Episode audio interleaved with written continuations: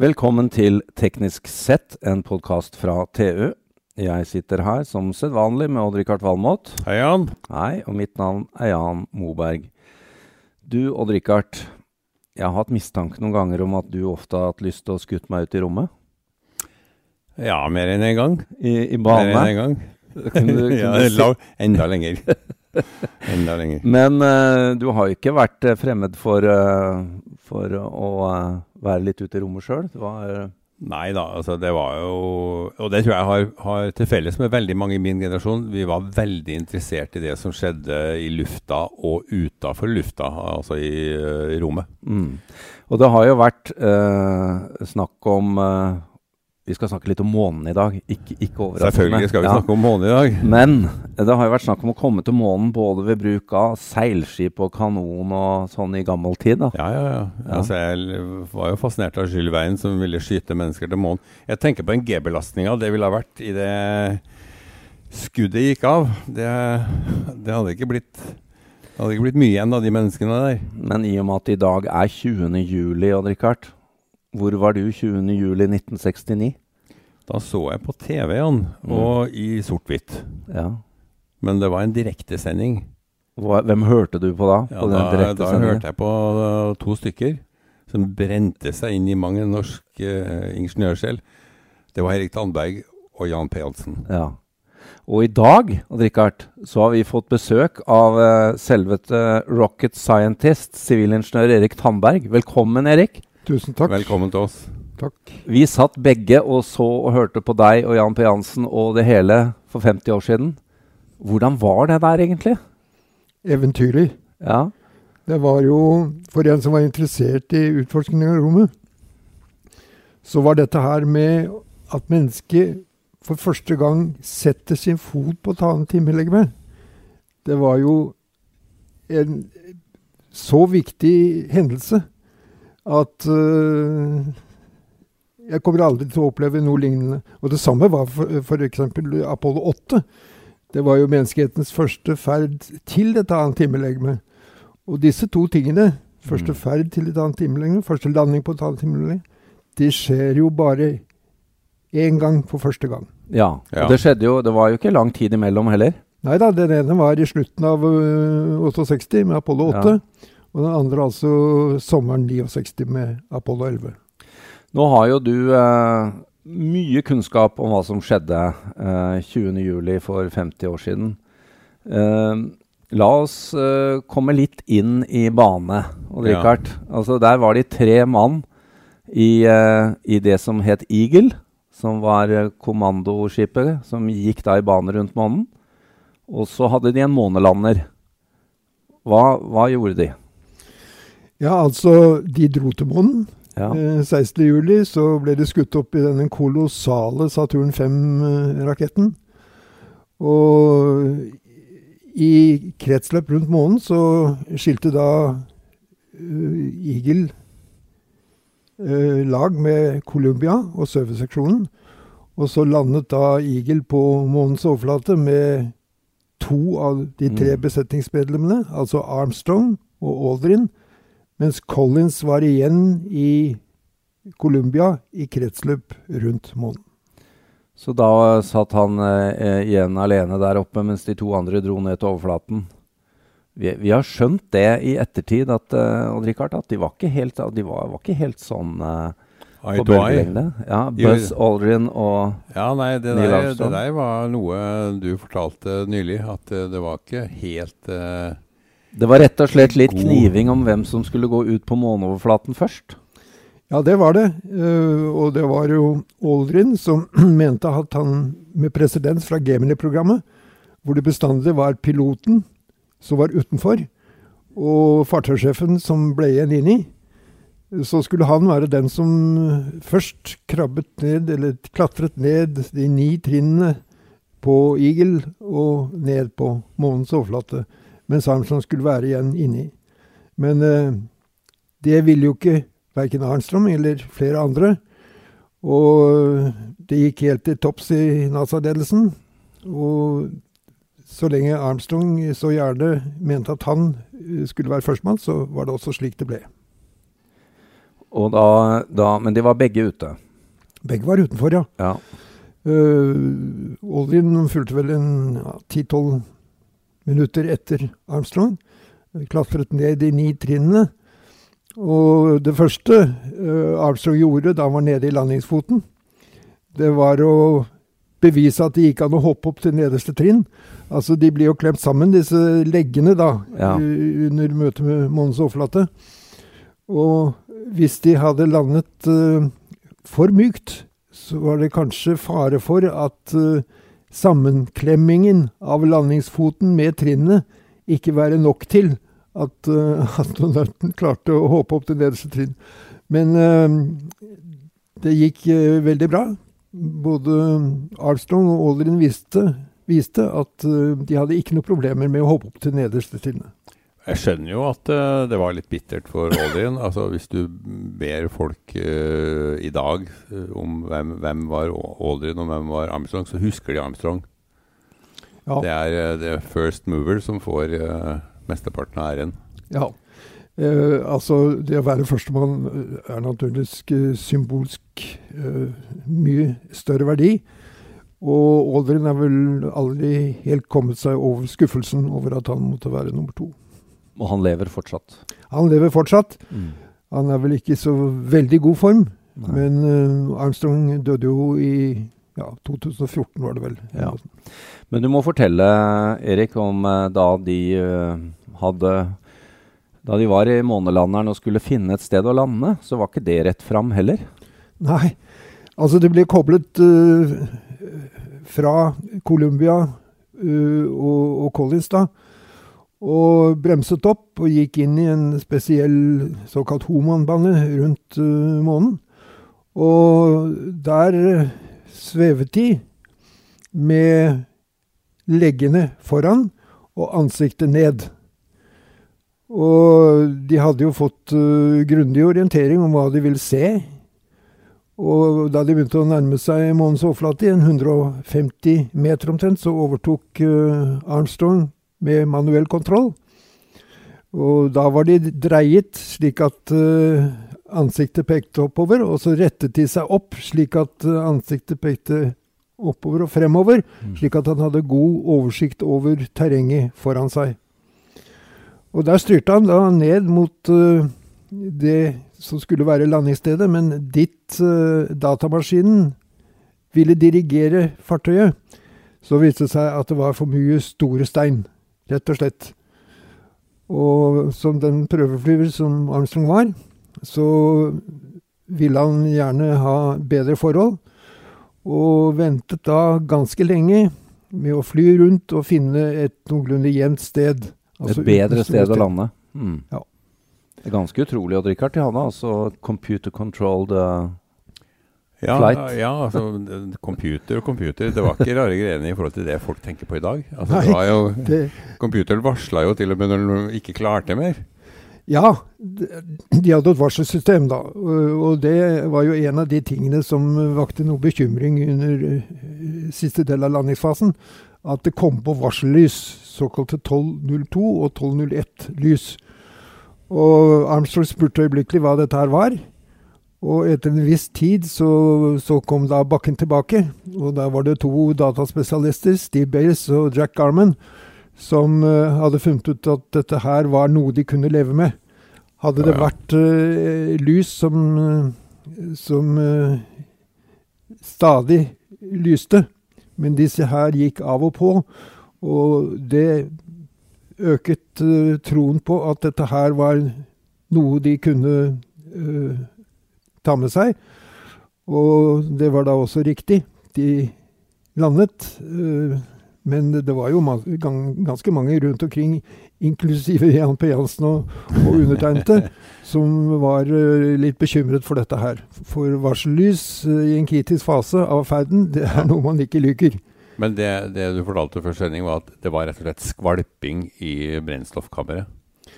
Det var, det var datamaskinen som sa at eh, det er ikke, vårt, det er ikke vår skyld, men, eh, men vi får for mye data å arbeide med. Og de truet da med å slå seg av og begynne på nytt igjen. Oh, ja. uh, Så det å, å, å, risikere å gå opp igjen med datamaskin som ikke virket som det skulle, var større, et større problem enn å fortsette med det man trodde var årsaken til det, og det viste seg å være, være riktig. Men det var, eh, det var litt, litt, spennende øyeblikk, husker jeg. Mm. Men da fløy altså Armstrong manuelt inn og øh, fant en passende landingsplass og fikk satt månelanderen ned. Ja. Men det må ha vært ganske, altså selv om gravitasjonen og tyngdekraften er lavere der oppe, så må det ha vært en ganske betydelig landing, da? Ja da, det var, det var, det var landing. Uh, og jeg glemmer jo aldri øyeblikket da det kom over eteren at uh, 'Tranquility Base here, the eagle has landed'. Ja. ja. Og det var utløsende for masse bekymring og, og innestengt glede. Og jeg husker uh, Capsule Communicator, altså han som uh, holdt uh, samtalen i gang med, med, astronautene, og sa at vi have a bunch of guys about to turn blue. Vi hadde sittet altså og holdt pusten ja. Ja. I, i påvente av at de skulle finne lande, ja. det rette landingsstedet. nå kunne de begynne å puste igjen. Det var mange som var, mange som var glad for.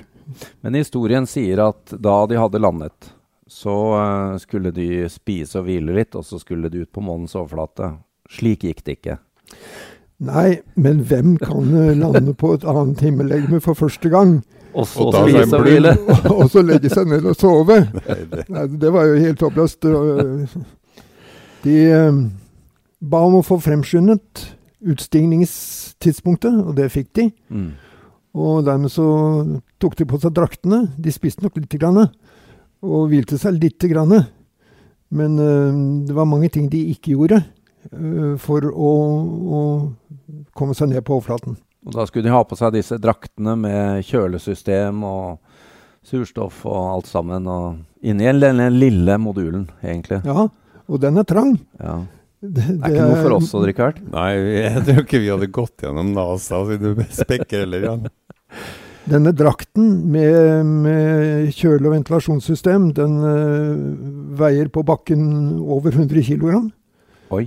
Uh, og, og, den er ganske klumpete, for å si det sånn, med den ryggbeholderen som stikker ut uh, bak. Og denne ryggbeholderen den inneholder da det, bl.a. dette vannsirkulasjonssystemet som uh, gjør at vann med regulerbar temperatur strømmer gjennom noe som ligner en, en norsk helsetrøye, og holder kroppen avkjølt. Mm. Men de fikk da omsider på seg draktene. Men det var i dette, denne virksomheten at Armstrong, han snudde seg, kom borti en sikring til armeringssystemet for startmotoren, og knekket den. Oi. og vel, det var ikke noe stort problem, viste det seg, for Aldrin han kikket litt på det, og så brukte han en penn. Og fant ut at den kunne trykkes ned, og, slik at man oppnådde samme effekten som som en, en, hel sikring. Så de slapp å bli der på månens overflate? Ja, det hadde vel ikke nødvendigvis blitt der, for det finnes måter å gjøre den armeringen på, men det hadde krevet en hel masse på, både på bakken og i rommet. Likevel, da. Litt drama. Jeg har sett litt av de her eh, landingsfartøyene og kapslene på museer i USA og i London.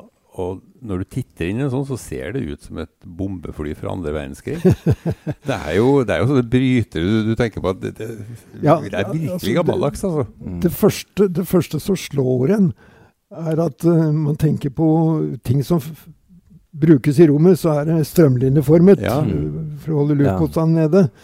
Men her ser det ut som uh, i hvert fall ikke et romfartøy. Nei. Men uh, det er fordi at ja, For det første så hadde Grumman, uh, fabrikken som bygget uh, månelanderen, de hadde vektproblemer.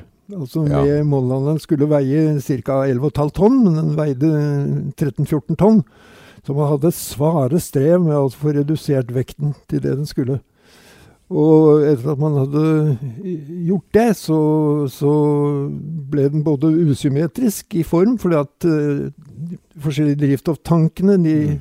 behøvde ikke være like store. Mm. Forbruket er litt uh, forskjellig. Uh, og, og, og, det var jo rent praktiske årsaker til både at vinduer der, der det var, og landingslegger og, og, form var det var. Det hadde jo med seg uter og sånn opp, ja. som skulle plasseres på månen. Så pent var det ikke. Nei.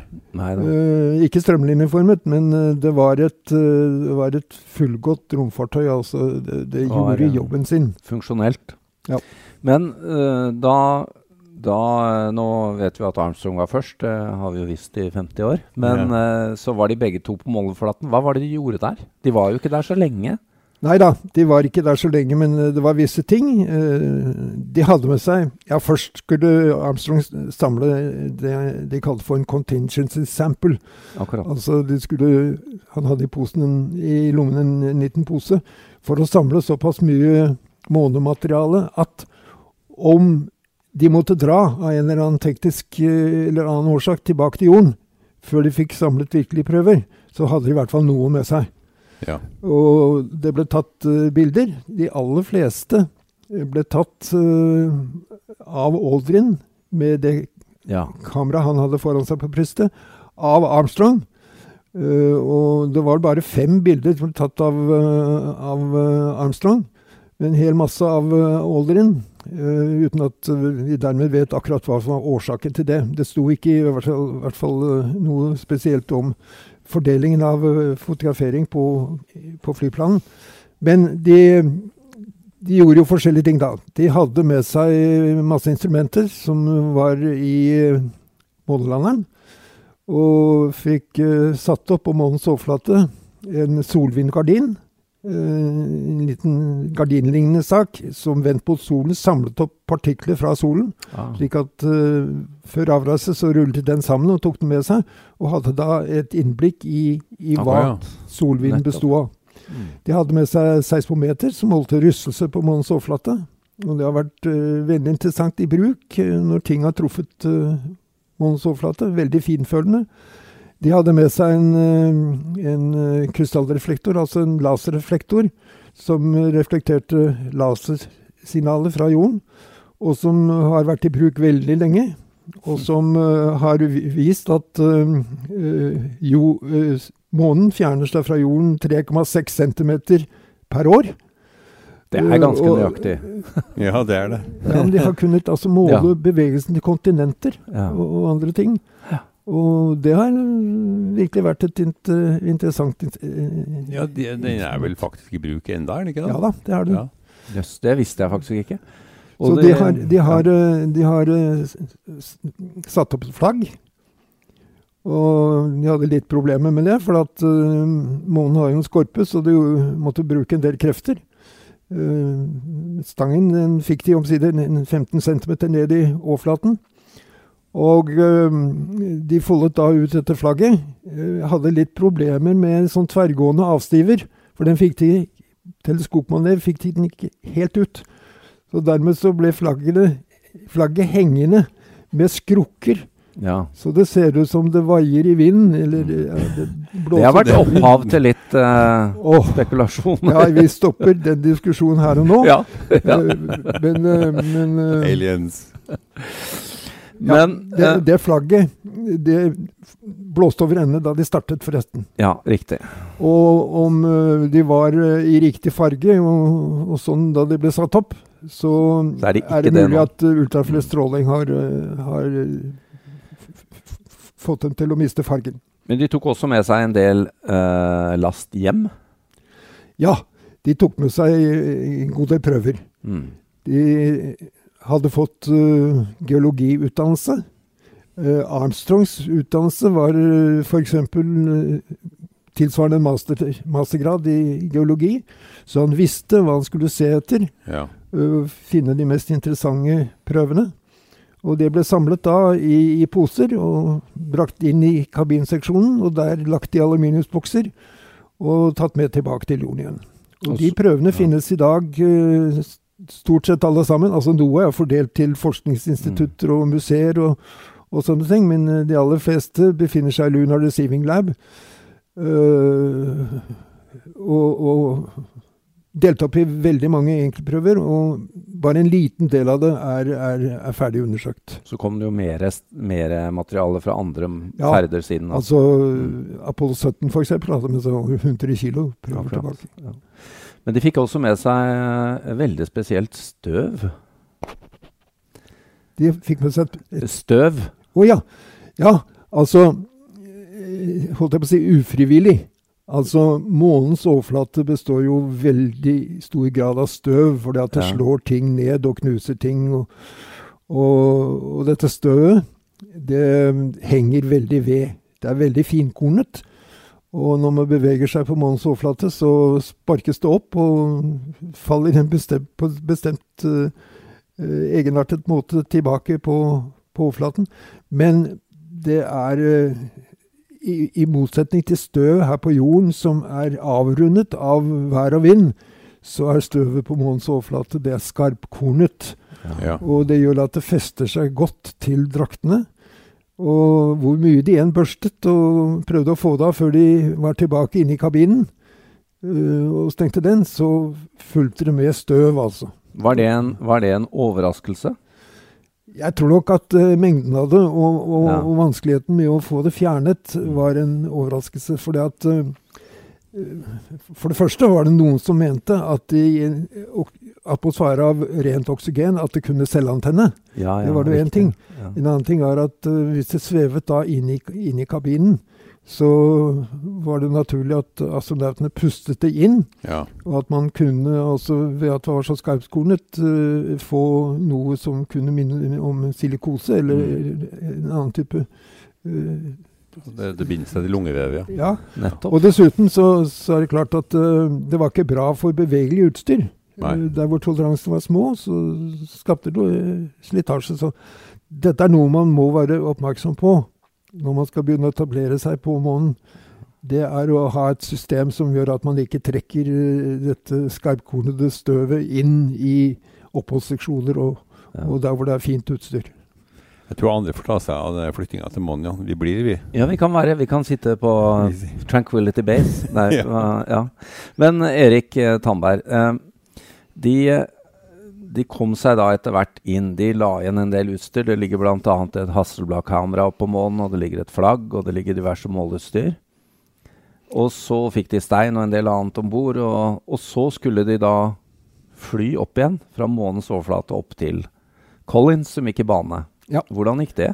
Ja, det gikk eh, styrt fra bakken. Man holdt eh, øye med Colombias bane. Eh, man skulle opp da i samme baneplan. Og hadde et uh, drivstoffsystem uten pumper. For det første måtte man ha vekten så lav som mulig. Og for det andre så må, måtte man ha det så enkelt som mulig. Så sjansen for at en feil skulle oppstå, var, var liten. Når man startet øh, og, og fløy opp uten, uten noe særlige problemer, og nærmet seg da Columbia og serviceseksjonen, og skulle koble disse to fartøyene sammen i målebane, øh, hadde problemer ved første forsøket. Måtte, Å treffe hverandre? ja, ja, de traff hverandre, men, øh, men da de skulle trekke disse to tingene sammen, Ja. så låste det seg. Og Collins, som var sjefen for akkurat denne operasjonen, han eh, måtte da stoppe, skille lag eh, og begynne på nytt, og da gikk det greit. Men det var enda en grunn til å bli litt nervøse, da. Ja, altså For dere som satt og så på, i hvert fall. Ja, men, eh, men eh, det var godt at de kom, kom seg av månen Ja, og ja. opp i en, en viss høyde. fordi at eh, Collins hadde jo kunnet komme seg noe ned, men han kunne jo ikke hente det på månens overflate. Så hadde de ikke greid å komme av månens overflate, så var 101 ute. Men du, når vi snakker om jordbane, så er jo det delvis definert av at atmosfæren vi må være over atmosfæren. Men månebane, de har jo ikke sånne problemer. Det er Ja, jo da, ikke noe det, er, det er bare en, måne, en, en bane rundt månen, selv om det ikke er noe atmosfære. For Ja. den styres jo av gravitasjon. Ja. Så hvor, hvor høyt, øh, høyt øh, lå skipet og venta på det? Ja? Ja, det var ca. Så vidt jeg husker, ca. 100 km. ja, ok. Det Ja. begynner å nærme seg sånn lav jordbane. det. Det er jo et Ja. stykke, ja. Ja. Ja. Men eh, da hadde vi altså månelanderen, eh, selve kapselen og serviceseksjonen. Og så Uh, fikk de med seg stein og det de skulle ha tilbake til jorden. Og så Det er jo bare kapselen som uh, kom tilbake til jorden. Ja, altså jeg nevnte vel at noen ble jo stående igjen på månen av Ja, utstyr. ja. Jeg nevnte Ja. eh, laserreflektoren og Yes. seismometeret. Og uh, Kamera. Ja, og en del annet utstyr Ja. også. Uh, og så hadde de prøvene med seg, Mm. og det var i henhold til planen. Og de var godt fornøyd. Da de startet serviceseksjonens motor, kom seg ut av månebanen og begynte ferden tilbake til jorden. Med hele Med alle enhetene? Ja, altså månelanderen eh, Altså Eagle? landingsdelen sto igjen på månens overflate. Ja. Startdelen den, eh, den eh, ble koblet fra Mm. Før serviceseksjonens motor ble tent, og de kunne begynne ferden tilbake til jorden. Akkurat. Så betyr det at den ligger i bane rundt månen, eller krasja den? Ja, jeg er ikke helt sikker på i farten om den eh, ble lagt slik at den kunne kollidere med månen for å gi utslag på seismometeret. Oh, ja. Men uh, andre har gjort det. ja. Og da, da var jo eh, dere som eh, hadde sittet og fulgt dette her, det, det må jo ha vært en prestasjon. For selv du måtte vel ha hatt en eller annen eh, te kjent på en risiko for at dette kunne gått galt? At man ikke lykkes? Ja. Man, eh, på papiret så det jo greit ut, men Ja. eh, i virkeligheten, med, med de mulighetene man hadde for at et eller annet skulle oppstå, så, så var man jo ikke helt sikker da. Det var mye som kunne gå galt. Det var en del Ja. ting som kunne Ja. gå galt. og Jeg, jeg, jeg husker altså Det var ikke bare øh, dette her med, med med disse varsellysene og, og, og ventingen, og bruk av drivstoff for å finne korrekte, øh, korrekte det beste landingsstedet. Men det var naturligvis øh, andre ting som kunne gå galt. Ja. Eh, og de kom ned til uh, landet til Stillehavet Ja. og uh, gikk i isolat. Hvorfor det? Ja, la meg først si det at de kom ned. Og og jeg, jeg vil gjerne føye til her at når man er ute ved månen, som Apollo 8, Ja. så kommer man tilbake til jorden med omtrent samme utgangshastighet som man hadde for å komme til månen. ja. Og det vil si at er, man er bortimot unnslipningshastigheten, altså. Eh, man er fremdeles under innflytelse av månens gravitasjonsfelt, men akselererer ut av den og kommer ned til, uh, til eh, møte med, med jordatmosfæren med 11,2 ca. 11,2 km i sekundet, altså ca. er 40 000, 40 000 km i timen. Og det ble gjennomført for første gang på Apollo 8 med en godt resultat. Eh, og så gjennomførte de det igjen da, med Apollo-ferdene, men eh, med en spesiell teknikk. Og den går ut på at eh, kommandoseksjonen har en butt underside, eh, varmebeskyttet, altså slik at den tåler høye temperaturer, men på en slik måte at den, den møter atmosfæren med den butte siden foran. Og så kan man da oppnå en viss mengde løft. Man må ikke komme for bratt inn, for da brenner man opp. Kommer Ja. flatt inn, så prøver man av på jordatmosfæren og forsvinner ut i, i rommet igjen. Så man har funnet ut at eh, et sted mellom ja, mm, 5,5 og 7,5 grader, så er den eh, med horisonten, er, det den vinkelen man må komme inn med i atmosfæren. Men i tillegg til det, så er kommandseksjonen kommandoseksjonen konstruert slik at tyngdepunktet ikke ligger på lengdeaksen. Og det vil da si at når man møter atmosfæren, så vil den kunne utvikle større og mindre mengde løft. Ja. Og ved at man dreier på kapsen, så kan man svinge til høyre og venstre. Akkurat. Så man har manøvreringsmuligheter, men alt skjer med altså med en kolossal hastighet. Ja. Og så øh, dempes det da etter hvert av varmeskjoldet, uh, som blir varmet opp til en temperatur på det meste av øh, 2700 grader omtrent. Og så dempes øh, hastigheten enda mer. Så kommer fallskjermer ut. Og tre hovedskjermer til slutt som øh, demper støtet mot havflaten. Mm.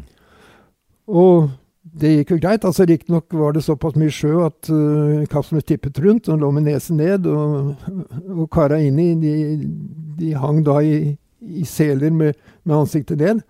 Men uh, de fikk da ganske fort hjelp av tre ballonger som rettet opp romfartøyet. Og så kom da mannskapene fra Hornet, uh, hangarskipet som var i nærheten, uh, per helikopter. Og åpnet luken og ga dem biologiske isolasjonsdrakter Mm. som de påførte seg. Tok av de draktene de hadde, og de ble senket uh, i havet. Men uh, sjansen for at de skulle bringe med seg noe uh, bakterier eller, eller, eller, slike ting fra månen, var jo veldig lav da. Når månen ikke har noe Ja. atmosfære og ekstreme temperaturer. Men man turte jo ikke ta noen sjanser. Nei. Så dermed så måtte de ha på seg dine, disse draktene, og det, de var de iført til de kom om bord på Hornet og måtte inn. Og på Hornet ventet jo sjefen for NASA, president Nixon og utenriksminister Rogers. Og så dem vel inn i denne svære Ja, vi husker jo det bildet Ja, ja. når de er bak glasset der og Ja. vinker ut, ikke sant? Og, og der ja. ble de ønsket velkommen. Og fikk vel en forsmak på, på det livet som nå ventet dem. De ble jo behandlet med ærbødighet og, og med stor begeistring. Hangarskipet, fra hangarskipet fløy de med helikopter til, eh, til Hawaii. Derfra fløy de med transportfly til, til eh, Texas. Alt inni denne isolasjonsbeholderen. Ja, Og så var de der en anviste antall dager før de slapp ut. Og da begynte vel alvoret i denne ferden å melde seg. Uh, de ble jo tatt imot uh, med kolossal begeistring. Altså, Mm. Ja, det- Jeg husker vi kom til New York, uh, hvor det var uh, ticket tape-parade Parade, ja. Parade, ja. gjennom Brooklyn og finansdistriktet. og Amerikanerne var rettmessig stolte og veldig begeistret. Men de var jo, det, selv om vi har snakket nå om individer som Armstrong og Aldrin som var litt sjalu og sånn, og Collins som var der oppe, amerikanerne tok jo imot hele teamet. Ja. De gjorde Ja. jo det. De blir jo helter, eh, Ja, det alle tre. bare mangle. Mm. Men uh, Erik, eh, vi må uh, Nei, vi kunne sitte her i timevis og drikke Ja, om det, temaet her er jo helt Ja, fantastisk. vi, vi, for en dag. men vi må avslutte denne. Men før vi gjør det, vi må jo spørre deg, da. Hva, hva tenker du er den største bragden med, med dette for 50 år siden?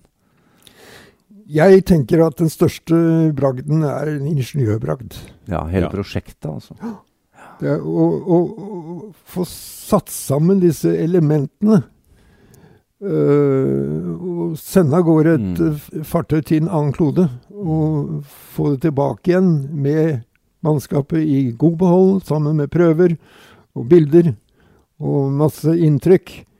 Det, det, det var overveldende. Altså, i en kappestrid med, med Sovjetunionen, eh, som helt til det siste jobbet hardt for å slå amerikanerne også når det gjaldt å landsette mennesker på månen.